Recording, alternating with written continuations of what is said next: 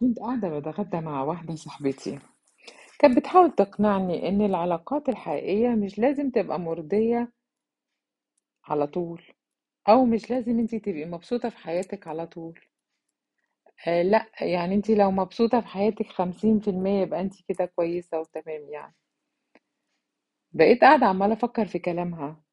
هي بتحاول تظبط التجربة بتاعتها وحياتها عليا وبتحاول تقنعني بالجزئية دي إن إن أنتِ مش لازم تبقي مبسوطة على طول، مين قال؟ آآ لأ، أنتِ لازم تبقي لو مبسوطة حبّة صغيّرة أو نُص 50% من حياتِك مبسوطة والباقي لأ، يبقى أنتِ كده ما فيش علاقات كاملة، ما فيش علاقات كلّها كويسة. هي بتحاول تقنعني. خُد بالك إن في حاجات كتير أنت بتتأثّر بيها من كلام غيرك ليك. هي تقول اللي تقوله هي هي بتظبط كلامها على علاقاتها وعلى حياتها لكن مش معنى كده إن كلامها صح. لأ العلاقات كلها بتبقى مرضية.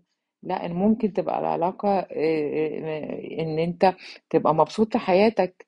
مش لازم يبقى نص نص حياة يعني مش لازم خمسين في المية من حياتك تبقى حلوة والباقي مش حلو. لأ أنت لأ أنت ممكن تبقى حياتك كلها كويسة وتبقى مبسوط وعندكش أي مشاكل. ما تحاولش اللي قدامك يأثر عليك. يعني ممكن قوي لو أنا فكرت فعلا زي ما هي بتفكر وزي ما هي بتقول خلاص أنا هحط في دماغي إن أنا فعلا لأ أنا مش لازم على فكرة أبقى مبسوطة واكتفي بال...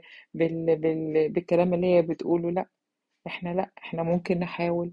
ولو في حاجة في ال... في علاقاتنا فيها مشاكل بنحسنها لغاية ما نوصل لأحسن أو أو أو أحلى أحلى حاجة في الحياة بتاعتنا يعني مش مش مش مش اللي مش اللي بتقوله كده صح.